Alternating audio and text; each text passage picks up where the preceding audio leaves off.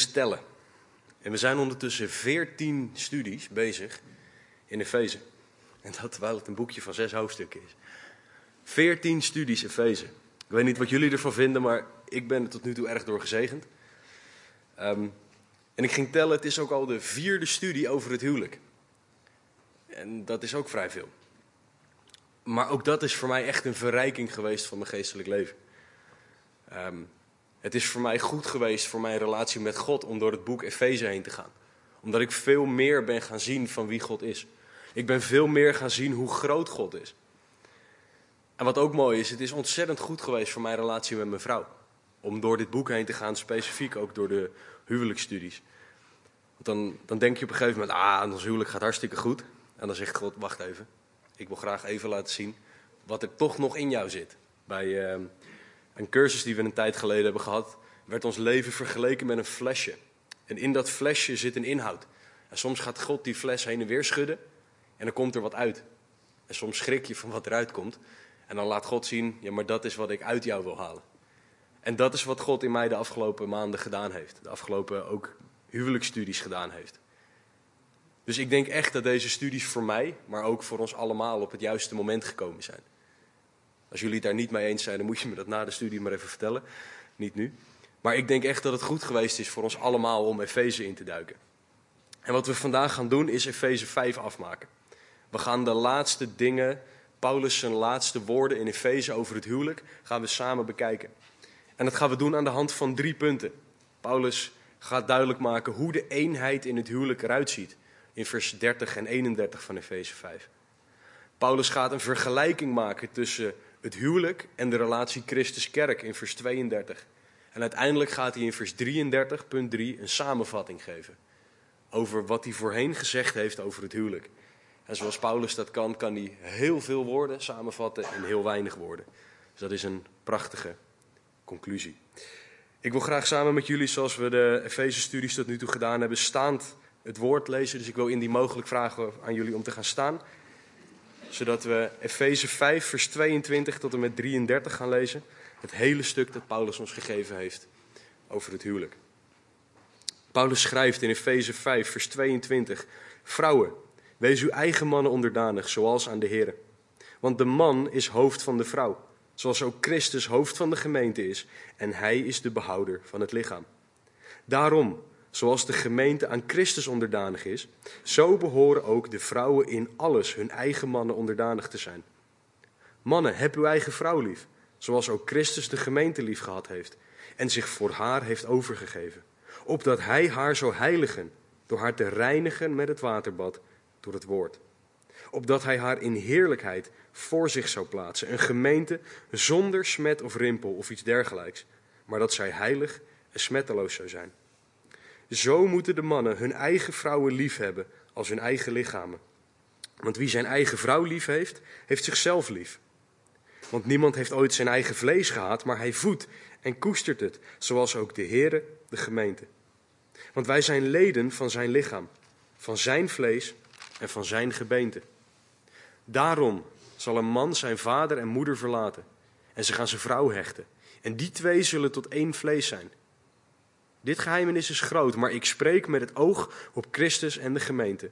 Kortom, ook u moet, ieder in het bijzonder, uw eigen vrouw net zo lief hebben als uzelf. En de vrouw moet ontzag hebben voor haar man. Heere God, dank u wel. Dank u wel voor dit prachtige stuk tekst.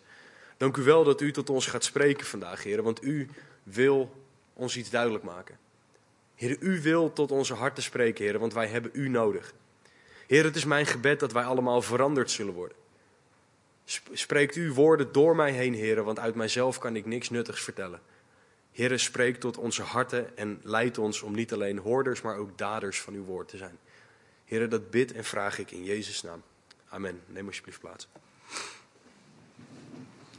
Aangezien we twee weken geen Efeze-studie gedaan hebben, wil ik even kort met jullie het geheugen opfrissen. We zijn in Efeze 5 op het moment. En in Efeze 5 begint Paulus in vers 1 met dat wij navolgers van God moeten zijn. En Paulus gaat daarna uitleggen wat dat betekent. En in Efeze 5:18 zegt hij: Je kan God alleen navolgen als jij vervuld bent met de geest, de geest van God. En Paulus zegt daarna, en als jij dan vervuld bent met de geest van God, dan zijn er drie gevolgen. Eén, hoe we met elkaar praten, vers 19. Dan gaan we praten over, of met psalmen en lofzangen, gaan we zingen voor de Heer, loven in ons hart. We gaan anders praten. Het tweede is dat we dankbaar zullen zijn, Efeze 5:20. Dank altijd voor alle dingen. Dat is een gevolg van dat wij vervuld zijn met de geest van God. En het derde punt is hetgene waar Paulus heel veel versen aan besteedt om uit te leggen. Dat is dat we aan elkaar onszelf zullen onderschikken. Paulus zegt in Efeze 5:21: Wees elkaar onderdanig in de vreze God. Dat is waar hij verder op ingaat in hoofdstuk 5 en het begin van hoofdstuk 6. Het gevolg van vervuld zijn met de geest is dat wij ons aan elkaar willen onderschikken. En Paulus maakt dat duidelijk binnen het huwelijk. Hoe werkt dat? Binnen de ouder-kindrelatie aan het begin van hoofdstuk 6. Daar gaan we volgende week op in. En de werkgever-werknemerrelatie. Ook daar hoort een bepaalde mate van onderschikken. En we hebben tot nu toe drie studies besteed aan Efeze 5 vanaf vers 22. We hebben gekeken naar de rol van de vrouw, zoals God die, die rol definieert. En we hebben in die verse gezien dat God iets onmogelijks van de vrouw vraagt. Hij vraagt van de vrouw om zich te onderschikken aan haar man, aan haar eigen man. Niet aan alle mannen, maar aan haar eigen man. Als onderdeel van haar dienstbaarheid aan God. Dus je doet het voor God, niet voor je man. Is wat Paulus zegt. En om duidelijk te maken naar de man, want zo denken wij dan van nou, top heren, dat dat de verantwoordelijkheid van de vrouw is. Zegt God, nee, wacht even. De verantwoordelijkheid van de man, Efeze 5 vanaf vers 25, is net zo onmogelijk. De man moet zijn eigen vrouw leiden en liefhebben zoals Christus de gemeente. En Paulus legt daarom even uit, hij wrijft het er even goed in, hoe Christus van de kerk houdt. Hij heeft zichzelf overgegeven. Dus ik moet mijzelf overgeven voor mijn vrouw. Hij heeft laten zien, Paulus, hoe ver de liefde van Christus gaat. En dat de man zijn eigen vrouw zo moet liefhebben, omdat ze onderdeel is van wie ik ben. Dus mijn vrouw is onderdeel van wie ik ben. En daarom moet ik haar liefhebben. Paulus' opdracht aan de man. In de derde studie over het huwelijk hebben we een stapje terug gedaan. En hebben we gekeken naar eigenschappen van een geestvervuld huwelijk. Hoe ziet dat er nou uit? En daarvoor zijn we teruggegaan naar Genesis hoofdstuk 2 hebben we gezien wat het allereerste huwelijk is. En hoe God dat huwelijk ingesteld heeft, wat zijn bedoeling is. En daarom ook wat voor eigenschappen erbij horen. En daardoor wat God van de man en de vrouw verwacht.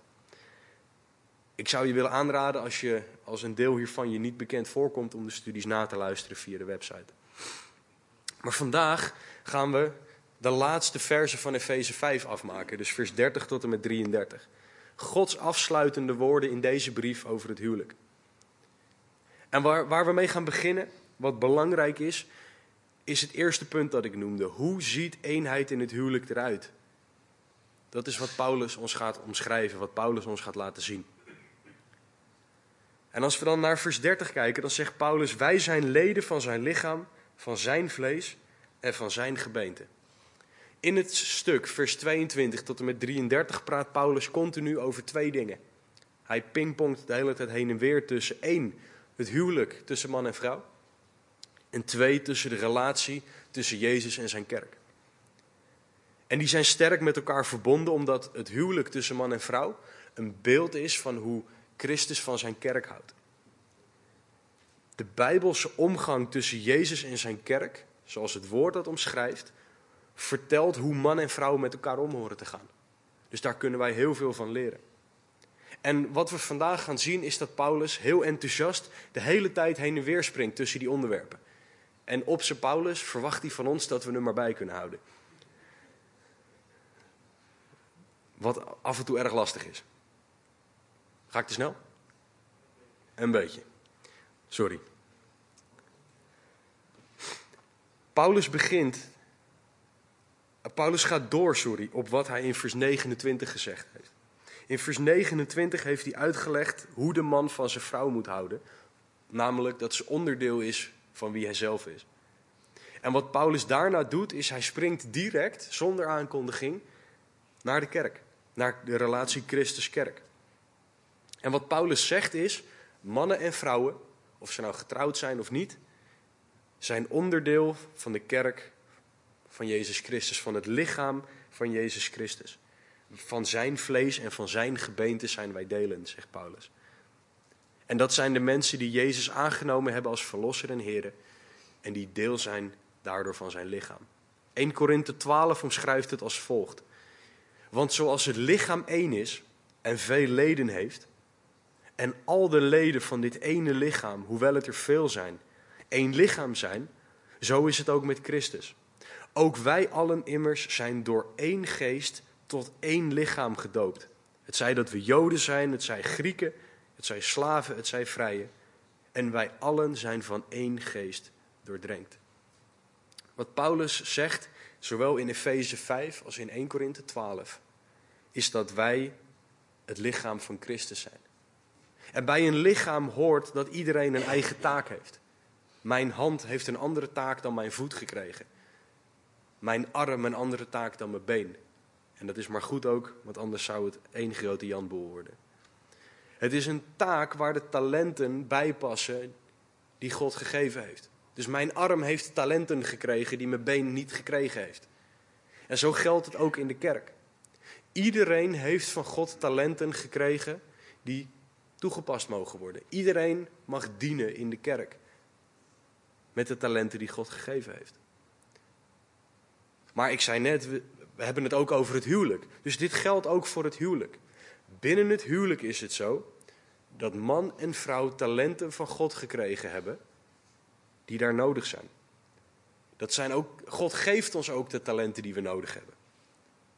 Want wat betekent dat? Dat we namelijk alleen maar God dankbaar kunnen zijn wanneer we die taak uitvoeren. Want God vraagt dingen van mij die compleet onmogelijk zijn. God vraagt van mij om mijn vrouw lief te hebben zoals Christus de gemeente. Dat kan ik helemaal niet. Dat kan ik echt niet. En daar heb ik dus nodig dat God mij de kracht geeft, de talenten geeft om dat te doen. En Paulus erkent dat. Zowel in 1 Korinthe 12 als in Efeze plaatst hij het huwelijk en het, het zijn van het lichaam van Christus in een hele belangrijke context. Paulus zegt alleen de Heilige Geest kan dit doen.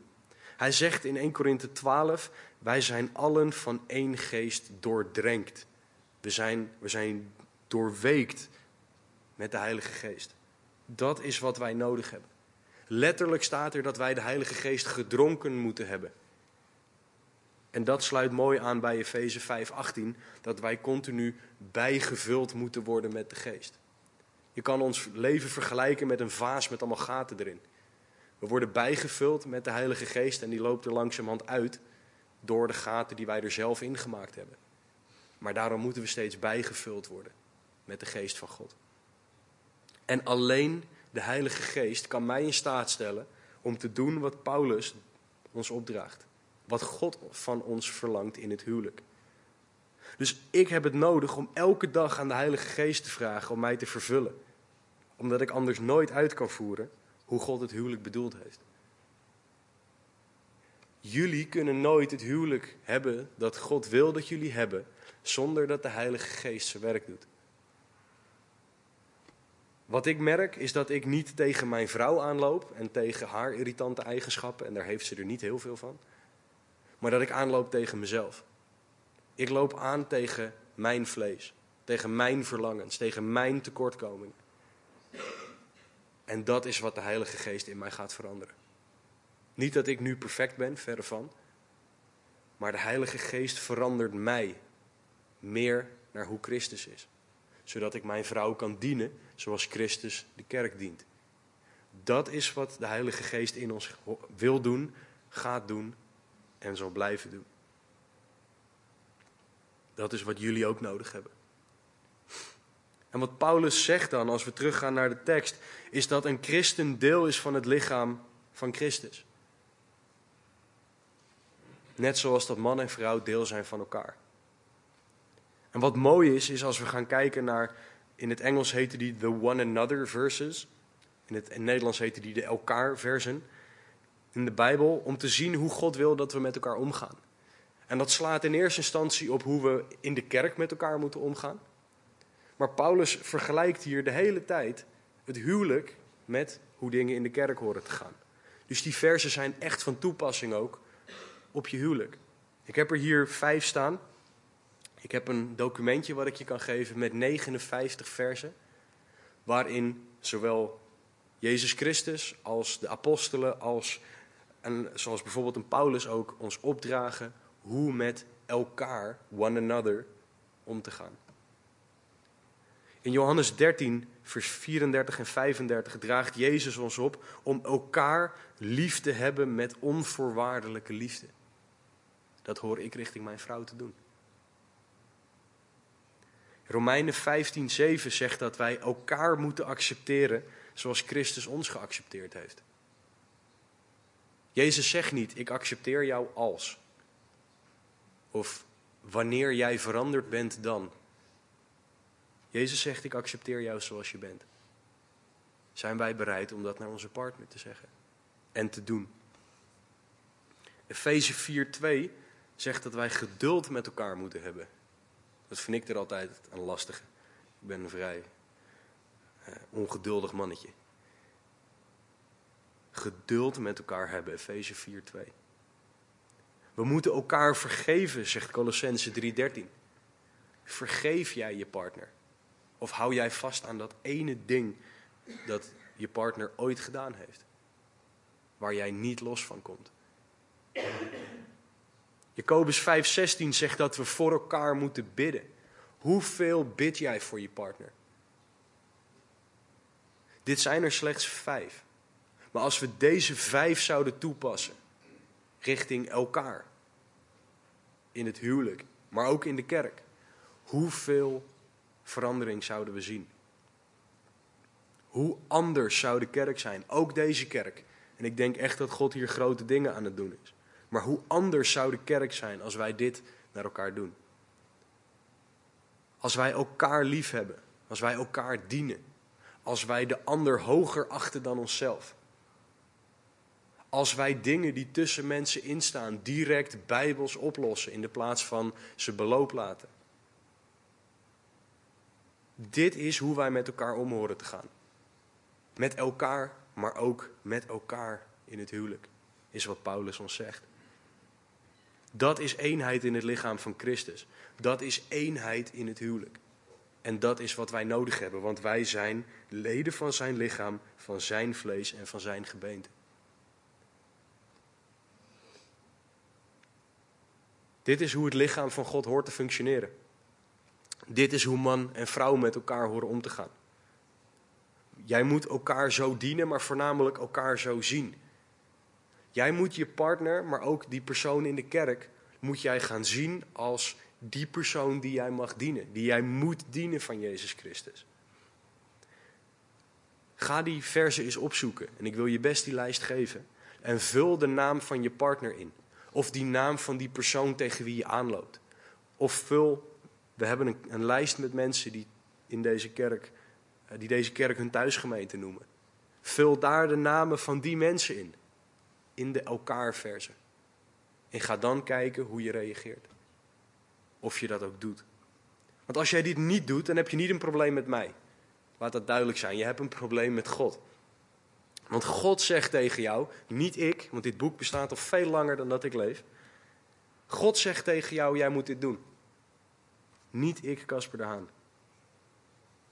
En wat ook belangrijk is voor diegenen van jullie die getrouwd zijn, wat God tegen je partner zegt, is tussen hem en je partner. Dus je kan niet zeggen, hey, ik heb doorgekregen van God dat jij. Soms een hele grote verleiding, maar zo, zo werkt God niet.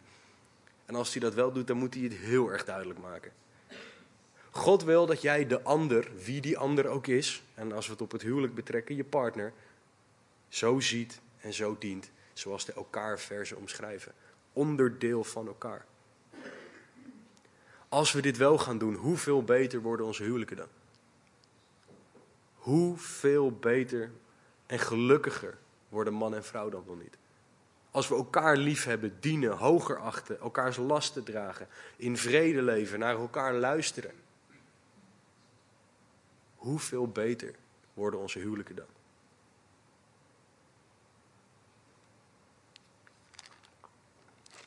Laten we doorgaan naar vers 31. Paulus trekt de conclusie. Hij zegt daarom. Als het woord daarom er staat, mag je je altijd afvragen waarom. Dat zijn van die kleine dingetjes waarop je, waardoor je Bijbelstudie makkelijker kan maken. Paulus zegt nooit zomaar iets en God al helemaal niet. Dus daarom zal een man zijn vader en zijn moeder verlaten en ze gaan zijn vrouw hechten en die twee zullen tot één vlees zijn. Omdat de kerk één is met Christus, het vorige vers dat we gelezen hebben, kan de kerk, dus de mensen die de kerk maken, niet meer één zijn met de wereld. In 1 Johannes 2:15 staat het volgende: Heb de wereld niet lief en ook niet wat in de wereld is. Als iemand de wereld lief heeft, is de liefde van de Vader niet in hem. Is een heel radicaal statement van Johannes, maar het slaat wel op de christen. Johannes zegt of je leeft voor God, of je leeft voor de wereld. Het is niet zoals de reclame van magie, een beetje van magie en een beetje van jezelf. Je kan niet zeggen, nou een beetje van God en een beetje van mezelf, maak er wat leuks van. Zo werkt het niet. Wij moeten losgemaakt worden van de wereld. En gehecht worden aan Jezus Christus. En op een bepaalde manier geldt hetzelfde in het huwelijk. Dat klinkt misschien een beetje raar. Maar een man zal zijn vader en zijn moeder verlaten en ze gaan zijn vrouw hechten. En die twee zullen tot één vlees zijn. Man en vrouw moeten loskomen van oude verbonden. Wat ik daarmee bedoel is dat man en vrouw los moeten komen van hun ouders. En ze moeten aan elkaar hechten. Dat is wat God ziet, dat is hoe God het bedoeld heeft. Als een kind thuis woont en nog niet getrouwd is, valt het kind onder de eenheid van de ouders. Eva, mijn dochter van één jaar oud, die valt onder mijn verantwoordelijkheid. Totdat zij getrouwd is en zolang zij thuis woont, valt zij onder mijn verantwoordelijkheid. Dat geeft haar rechten, maar ook bepaalde plichten. Daar komen we, gaan we het nog met erover hebben. Ehm, maar een van die plichten is: eer uw vader en uw moeder, opdat uw dagen verlengd worden. Daar gaan we het volgende week ook nog over hebben. Maar op het moment dat Eva gaat trouwen, ga ik het ook nog een keer met erover hebben. Maar begint er voor God een nieuwe eenheid. Op, op het moment dat Amit en ik getrouwd zijn, werden wij een nieuwe eenheid. Wij vallen niet meer onder onze ouders qua verantwoordelijkheid zoals vroeger. Wij zijn een nieuw gezin. En je ouders verlaten is een fysieke daad, want ik ben uiteindelijk ergens anders gaan wonen, samen met mijn vrouw. Maar het is ook een mentale, emotionele en geestelijke daad. En wat ik daarmee bedoel, is het volgende. Mentaal je ouders verlaten betekent dat je niet meer denkt als thuis. Dus hoe dingen thuis gingen in je ouderlijk gezin is niet hoe dingen per se gaan wanneer je, op je samen met je vrouw woont. Dus hoe het eten klaargemaakt werd thuis is niet hoe het, nieuw, hoe het in je nieuwe gezin gaat. Wie de wc schoonmaakt, wie dat vroeger deed in je ouderlijk gezin, betekent niet dat dat ook in de nieuwe situatie zo is. Ik had best wel veel verwachtingen van Amit. Want zo ging het vroeger en daarom hoorde het zo. En ik was er nog best wel autistisch over ook. Maar ik mag niet meer zo denken. Want een nieuw gezin. Met mijn vrouw. Emotioneel moeten wij ons losmaken van onze ouders. Ik moet met al mijn emoties en Amit vice versa bij mij terecht kunnen. En niet meer naar ouders. Of als ouders naar je kinderen. Ik moet mij met mijn emoties op mijn partner richten. En daarmee bedoel ik niet mijn boosheid op mijn partner richten. Maar ik bedoel dat ik al mijn emoties kwijt kan bij mijn partner in de plaats van bij mijn ouders. Er zijn heel veel mensen die getrouwd zijn, die ergens anders zijn gaan wonen, die nog steeds hun emoties bij hun ouders kwijt proberen te raken. Terwijl ze voor God een nieuwe eenheid zijn. Zo hoort het niet. Je hoort je los te maken van je ouders. Dat betekent niet dat je je ouders niet meer gehoorzaamt, maar dat betekent dat je een nieuwe eenheid bent. Dus emotioneel moet je je losmaken van je ouders. En voornamelijk moet je je geestelijk losmaken en loszien van je ouders. Mijn ouders waren geestelijk verantwoordelijk voor mij. En ik durf hardop te zeggen hier dat ze naar eer en geweten hun uiterste best hebben gedaan om ons goed terecht te laten komen. En volgens mij is dat bij mij redelijk gelukt. Maar nu ben ik als man geestelijk verantwoordelijk voor mijn vrouw en voor mijzelf. Mijn ouders zijn niet meer verantwoordelijk voor mij of voor mijn vrouw. Als vrouw val je niet meer onder de verantwoordelijkheid van je vader. Je man is nu het aanspreekpunt voor jouw geestelijke gezondheid, geestelijke zaken. Als man moet ik me realiseren dat mijn vader niet meer beslissingen voor mij neemt, maar dat ik dat zelf moet doen in afhankelijkheid van God. Dus geestelijk gezien moet ik mij losmaken van mijn ouders. Niet meer afhankelijk zijn van mijn ouders, zoals voorheen. Daarom zal een man zijn vader en zijn moeder verlaten. En zij zullen één vlees zijn. Bijbelcommentator Barnes heeft gezegd: Een man hoort nooit iets te wensen of te verwachten dat niet goed is voor een vrouw om te doen. Ook moet hij haar wensen leren kennen. En wanneer hij die begrijpt, moet hij haar voorkeur zien als dat wat hij als keuze maakt, slash als opdracht geeft. Dus de wensen van mijn vrouw, zolang ze bijbels zijn, horen datgene te zijn waarvan ik zeg dat is wat we gaan doen, omdat ik één ben met haar. Mijn, mijn denken moet gelijk worden aan haar denken. Mijn emoties moeten gelijk worden aan haar emoties. Je moet één worden op een bepaalde manier. En dat zal nooit helemaal lukken. Sommige mannen zijn een stuk minder emotioneel dan hun vrouwen, maar daar, je mag erin groeien. En daar moet je wel willen groeien. Wat we ook zien in dit vers is dat God man en vrouw als één ziet. En dit heeft verschillende implicaties. Dus je maakt je los van je ouders en daarna ben je één met je partner. Net zoals dat de christen zich losmaakt van de wereld en daarna één wordt met Christus. Een van de implicaties is dat je fysiek één bent. En dat heeft een seksuele implicatie. Man en vrouw horen seksuele intimiteit met elkaar te hebben. Dat is waar God in zijn woord over praat. Daar zijn we vorige preek over het huwelijk zijn we daar meer op ingegaan. Dus ik wil het laten bij dat seksuele intimiteit belangrijk is binnen het huwelijk. 1 Korinthe 7 legt daar ook meer over uit. Als je daar vragen over hebt, kan je die altijd na afloop aan me stellen. Maar naast het fysiek één zijn, moet, moeten man en vrouw ook mentaal één zijn. Dus ik moet op dezelfde manier over dingen gaan denken als Hamid. Ik moet meer en meer op één lijn met haar komen over belangrijke onderwerpen. Belangrijke onderwerpen. Dus wat lekker eten is, een leuke film is, goede muziek is, is van ondergeschikt belang. En daar kan je best wel een gezonde discussie met elkaar over voeren.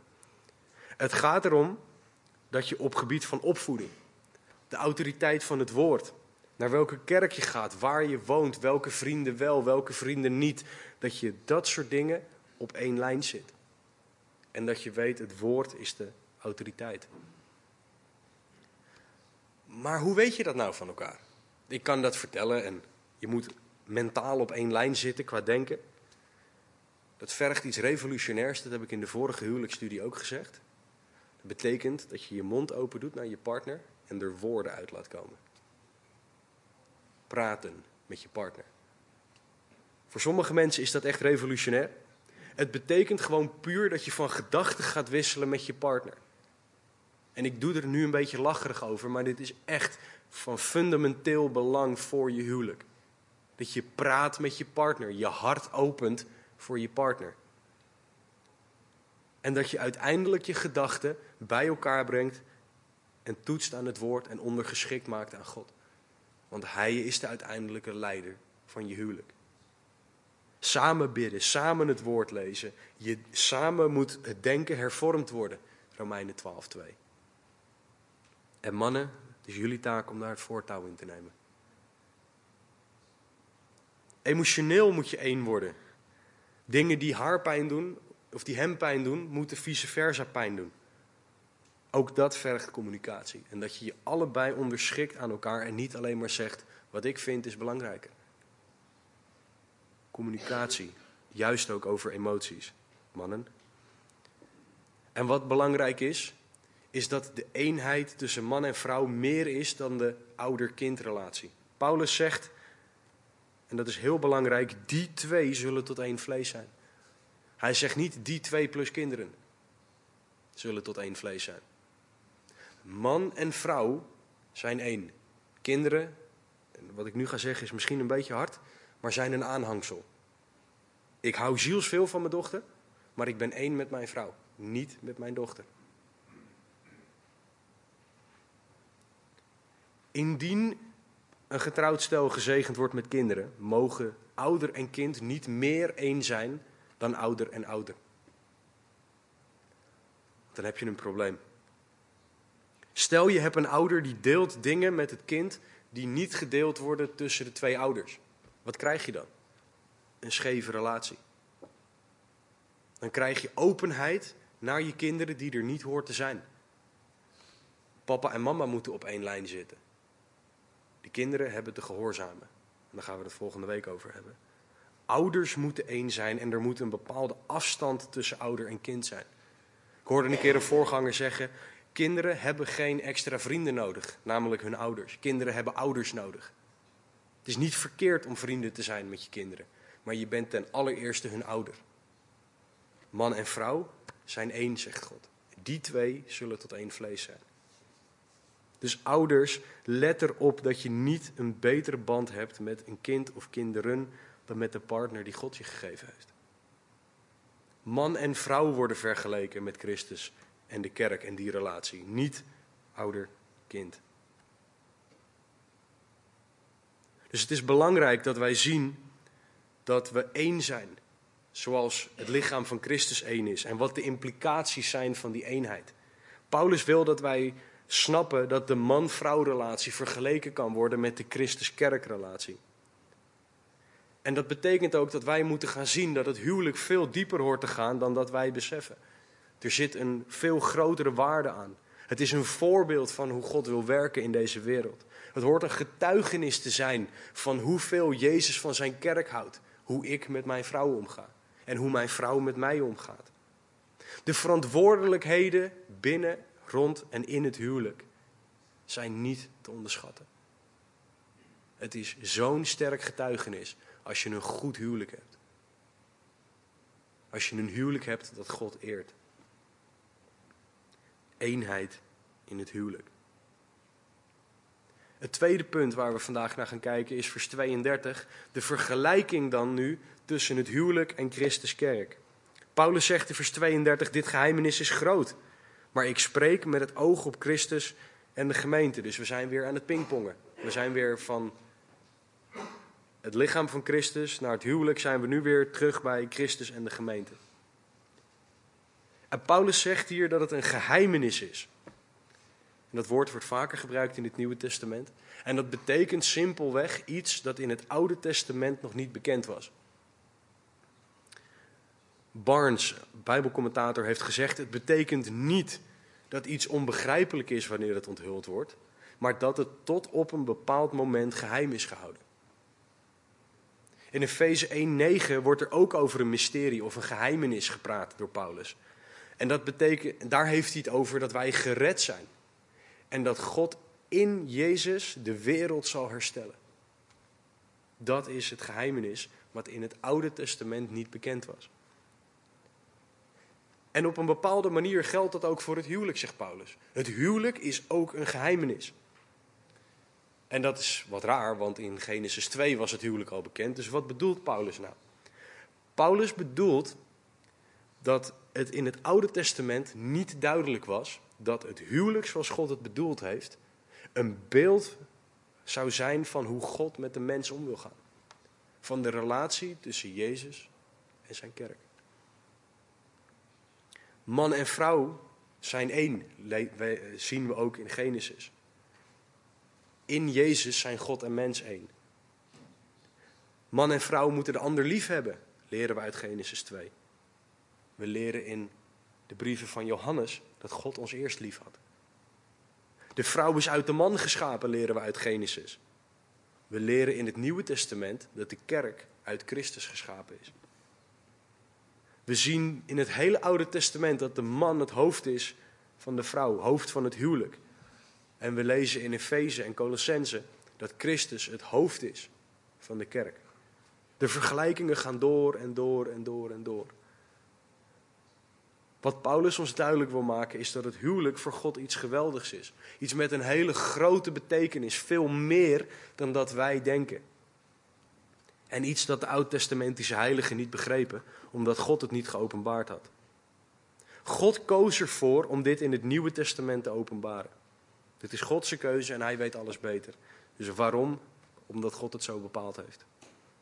Maar het is belangrijk dat wij zien dat het huwelijk diep gaat, maar niet zo diep als onze relatie met Christus. Matthäus 22, vers 30 leert dat men in de hemel niet meer ten huwelijk geeft. Dat er geen huwelijken meer zijn in de hemel. Dat betekent niet dat je elkaar niet op mag zoeken in de hemel als je getrouwd bent op aarde. Maar de huwelijken bestaan niet meer in de hemel. De relatie met Christus daarentegen is wel voor eeuwig. Die blijft altijd. God opende de zij van Adam, staat er in Genesis 2, om de vrouw te maken. Dus de vrouw kost, kost letterlijk een rib uit je lijf.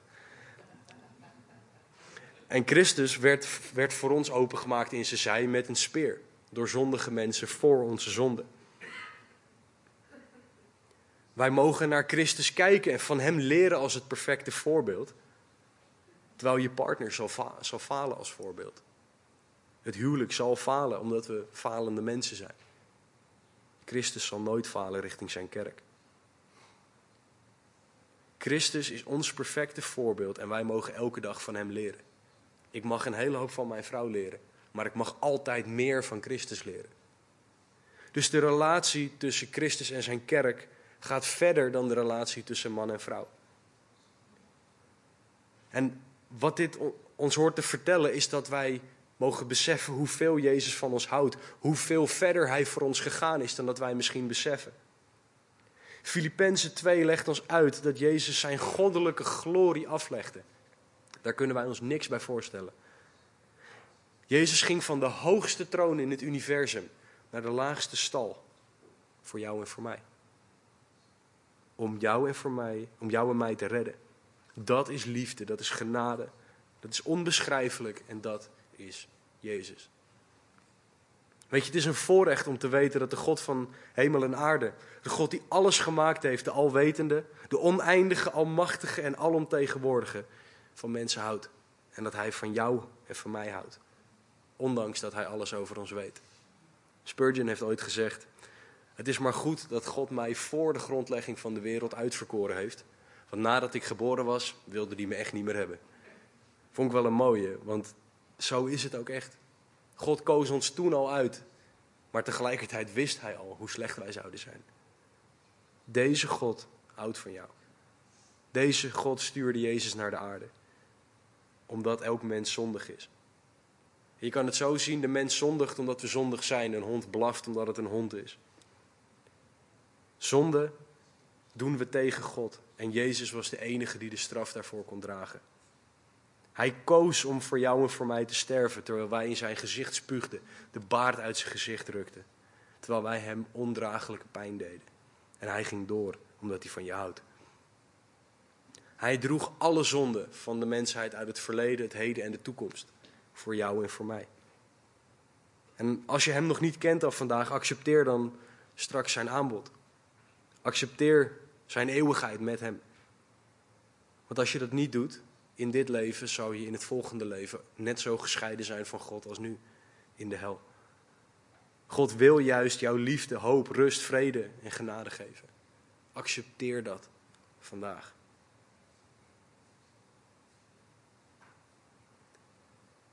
Als laatste punt vandaag wil ik kijken naar de samenvatting die Paulus ons geeft over het huwelijk. Paulus heeft ons tien versen lang allerlei dingen uitgelegd over het huwelijk. En veel beter dan ik vat hij het zelf samen in één vers. Veel beter dan dat ik ooit zou kunnen. Kortom, ook u moet, vers 33, ieder in het bijzonder uw eigen vrouw net zo lief hebben als uzelf. En de vrouw moet ontzag hebben voor haar man. In het eerste deel van het vers zegt Paulus wat de taak van de man is, en in het tweede gedeelte de taak van de vrouw. Paulus wil dat de man ziet dat hij zijn eigen vrouw moet liefhebben als deel van zichzelf. Dat hij beslissingen moet nemen als leider van zijn gezin die goed zijn voor zijn vrouw. Wil dat je je als man realiseert dat Christus beslissingen neemt voor de kerk. En dat Christus nog nooit een beslissing genomen heeft die slecht is voor zijn kerk. Dus wanneer mannen jullie nadenken over iets waar jij een beslissing over moet nemen voor je gezin, hou dat in, in gedachten. Christus heeft nog nooit iets besloten voor zijn, voor zijn kerk wat slecht is voor de kerk. Tegelijkertijd wil Paulus dat de vrouw ziet dat zij ontzag moeten hebben voor een man. Ontzag betekent hier dat de vrouw het gezag van haar man respecteert. En gehoorzaamt en niet probeert de leiding over te nemen. In Genesis 3 staat er dat de vrouw over haar man zal willen heersen. Paulus probeert dat dus de kop in te drukken. Dat is wat niet hoort. Weer, Bijbelcommentator Barnes. Vrouwen horen zo'n karakter te laten zien dat de liefde waard is. Ze zijn die verschuldigd aan hun mannen. Vrouwen eisen dat de man vol zelfvertrouwen en genegenheid richting de vrouw is. En zij moet laten zien dat ze dit zelfvertrouwen en genegenheid waard is. Ik wil hiermee niet te veel verantwoordelijkheid bij de vrouw of bij de man leggen. Wat ik probeer te zeggen is, allebei moeten wij naar God toe. En verwacht het niet van je partner.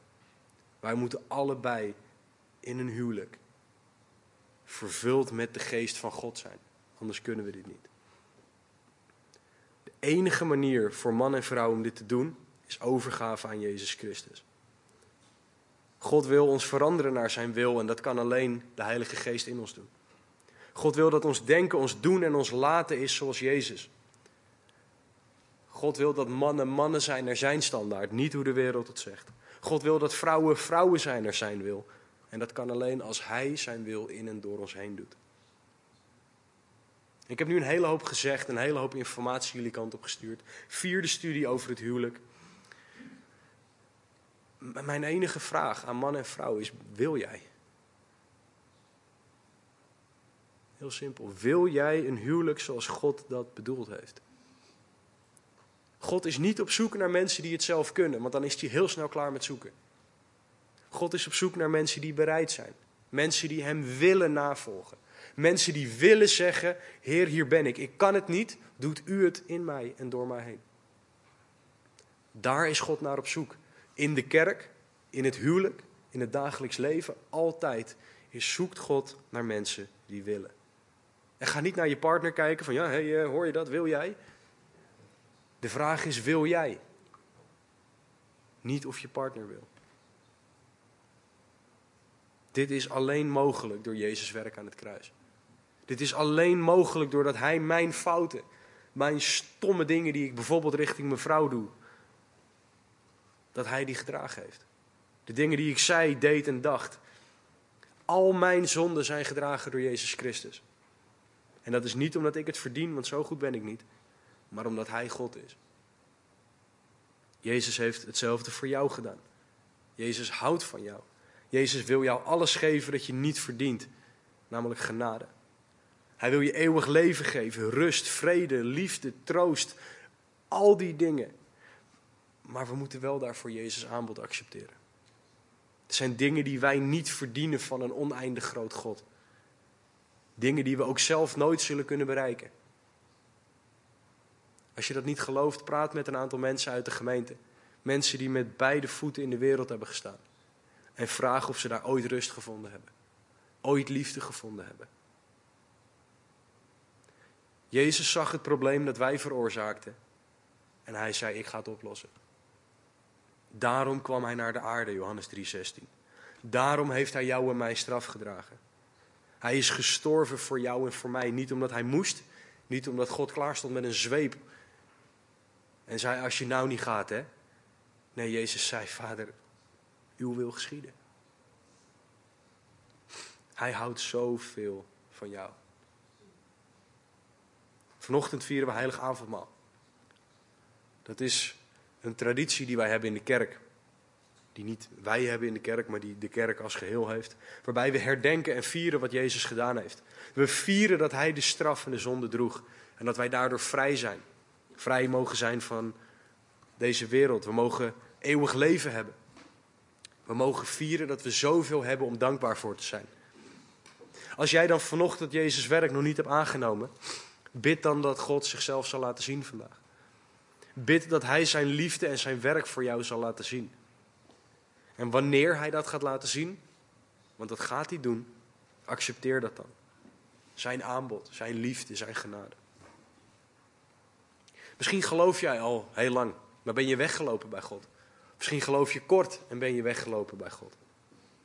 Misschien heb je al een tijdje niks gedaan met je geloof, met je relatie met God.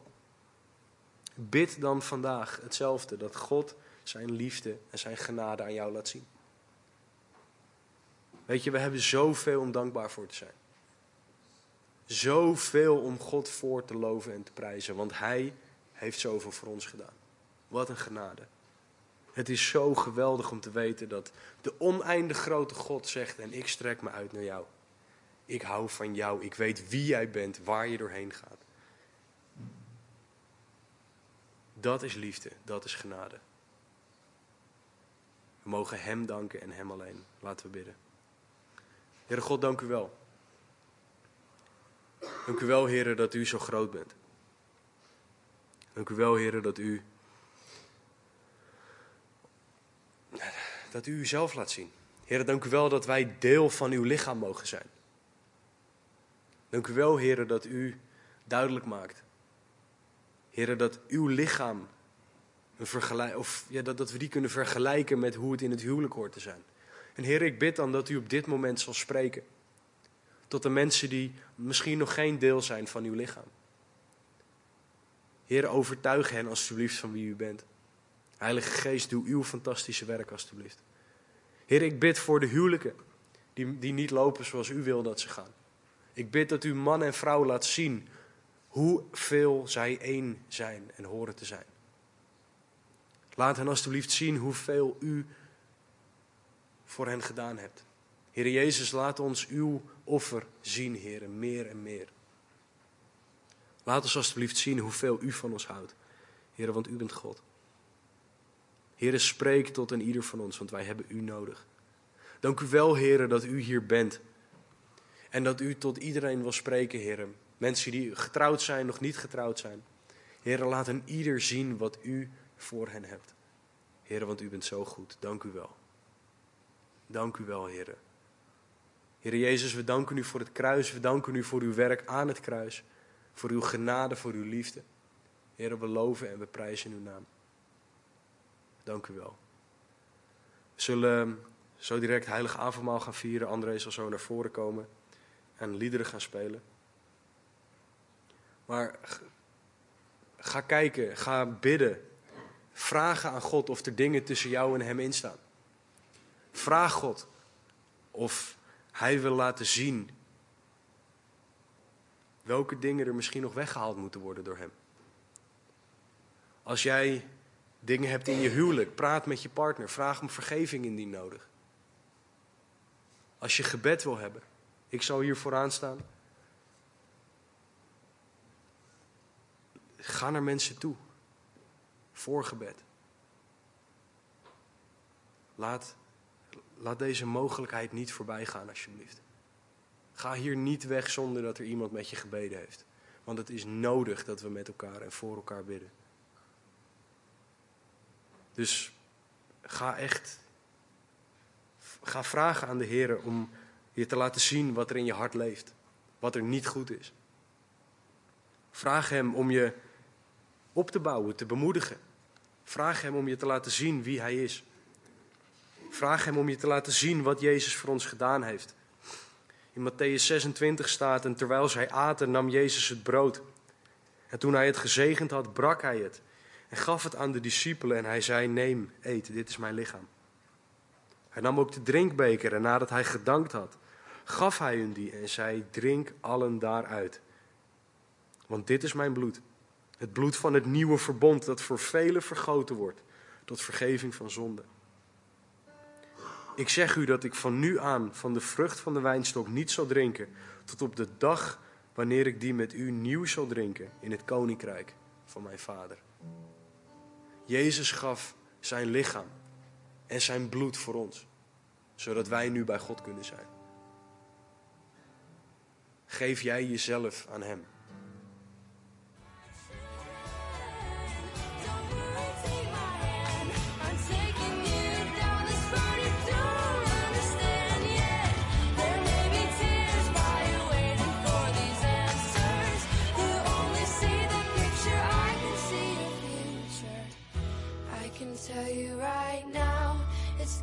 be all.